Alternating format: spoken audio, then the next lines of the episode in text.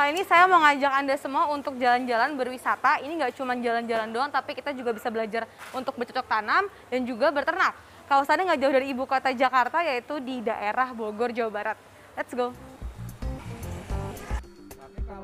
Wah, lucu ya bebeknya. Salah satu keunikan bebek adalah senang meniru teman yang ada di depannya. Lihat saja, jika salah satu bebek berjalan, maka kawanan lainnya akan mengikuti. Kawanan bebek alabio yang berada di Kuntum Farmfield Bogor ini merupakan unggas yang berasal dari Kalimantan Selatan. Uniknya, telur bebek alabio bisa dipanen setiap hari tanpa dibuahi bebek jantan. Menurut petugas Farmfield, jenis makanan serta jadwal makan akan mempengaruhi jumlah telur yang dihasilkan. Pak, berarti kalau dari ukuran telur, itu yang bedain apa sih Pak? Kenapa ada telur lebih besar sama ada lebih kecil tuh kenapa? Ini faktor umur. Hmm, Eh, paling efektif yang sudah satu tahun lebih, dia telurnya sangat besar dan untuk beratnya bisa sampai eh, 80 gram. Ya.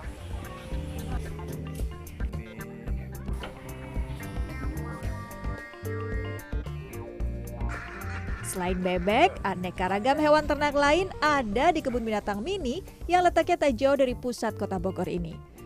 Tak hanya untuk rekreasi, tempat ini juga mengedukasi para pengunjung tentang cara beternak.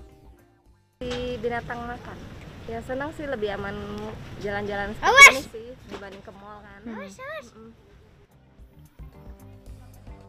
Hewan kedua yang saya temui dan banyak menarik perhatian pengunjung adalah kerbau albino.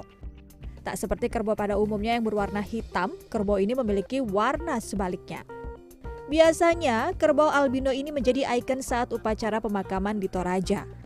Di sini Anda bisa menemukan 23 kerbau albino dengan berbagai ukuran.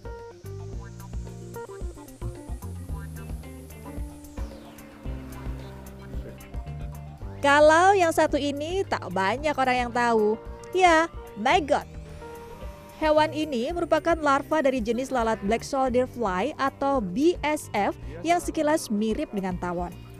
Siapa sangka, di balik itu semua maggot memiliki potensi untuk dibudidayakan. Yuk kita belajar budidaya maggot. Maggot berkembang biak pada media yang bersih dan beraroma fermentasi seperti sampah buah-buahan dan sayur-sayur yang sudah layu.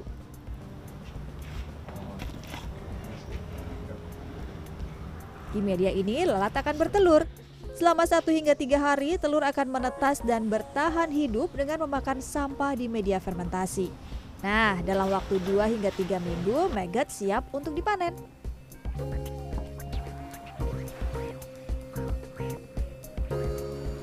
Silahkan dengan ini kita sudah sediakan tempatnya. Kita tinggal ini gitu. Dipindahkan berarti dengan ujung sendok ya Pak ya? Betul, betul. Selain itu, maggot juga bisa dijadikan alternatif untuk pembuatan pakan ikan karena mengandung gizi yang cukup baik.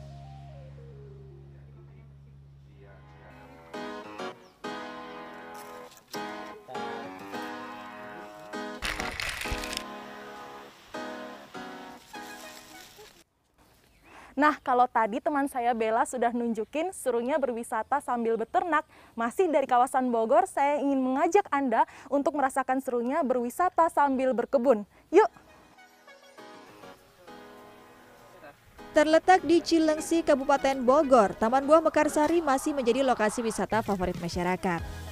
Tak hanya merasakan sejuknya udara dan menikmati indahnya suasana perkebunan, pengunjung pun dapat belajar melakukan pembibitan tanaman hingga menanam padi. Seperti spot yang satu ini, kebun salak.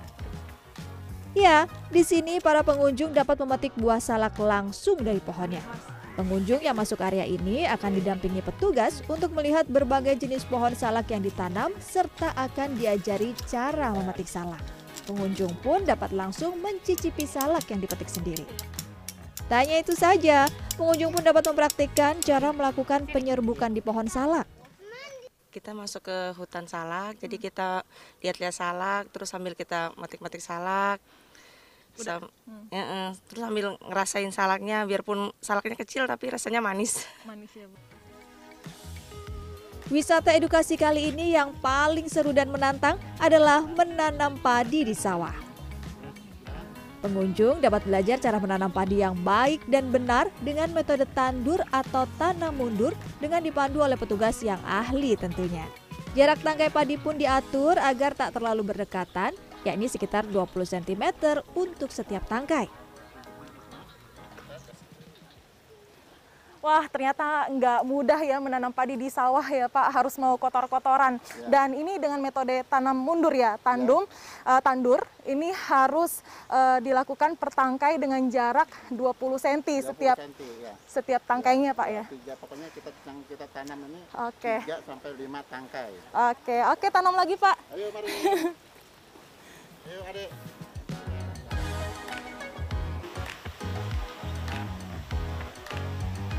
Wisata edukasi lainnya di tempat ini ada di area The Farm. Banyak jenis tanaman yang dibudidayakan seperti bibit jambu kristal, lengkeng merah, mangga, rambutan, hingga durian. Media tanam yang digunakan adalah tanah subur yang dicampur dengan sekam atau kulit padi yang berfungsi untuk memberi rongga udara yang baik untuk mengikat air. Tak ketinggalan, campuran pupuk dari kotoran hewan untuk memberi unsur hara dan nutrisi yang dibutuhkan tanaman. Untuk dapat menikmati wisata di sini, pengunjung hanya perlu membayar harga tiket masuk mulai dari Rp35.000. Pengunjung juga dapat mengambil paket garden drive-thru untuk bisa belajar berkebun serta memanen dan mencicipi buah-buahan langsung dari pohonnya. Bella Mula Hela, Tika Baramau, CNN Indonesia.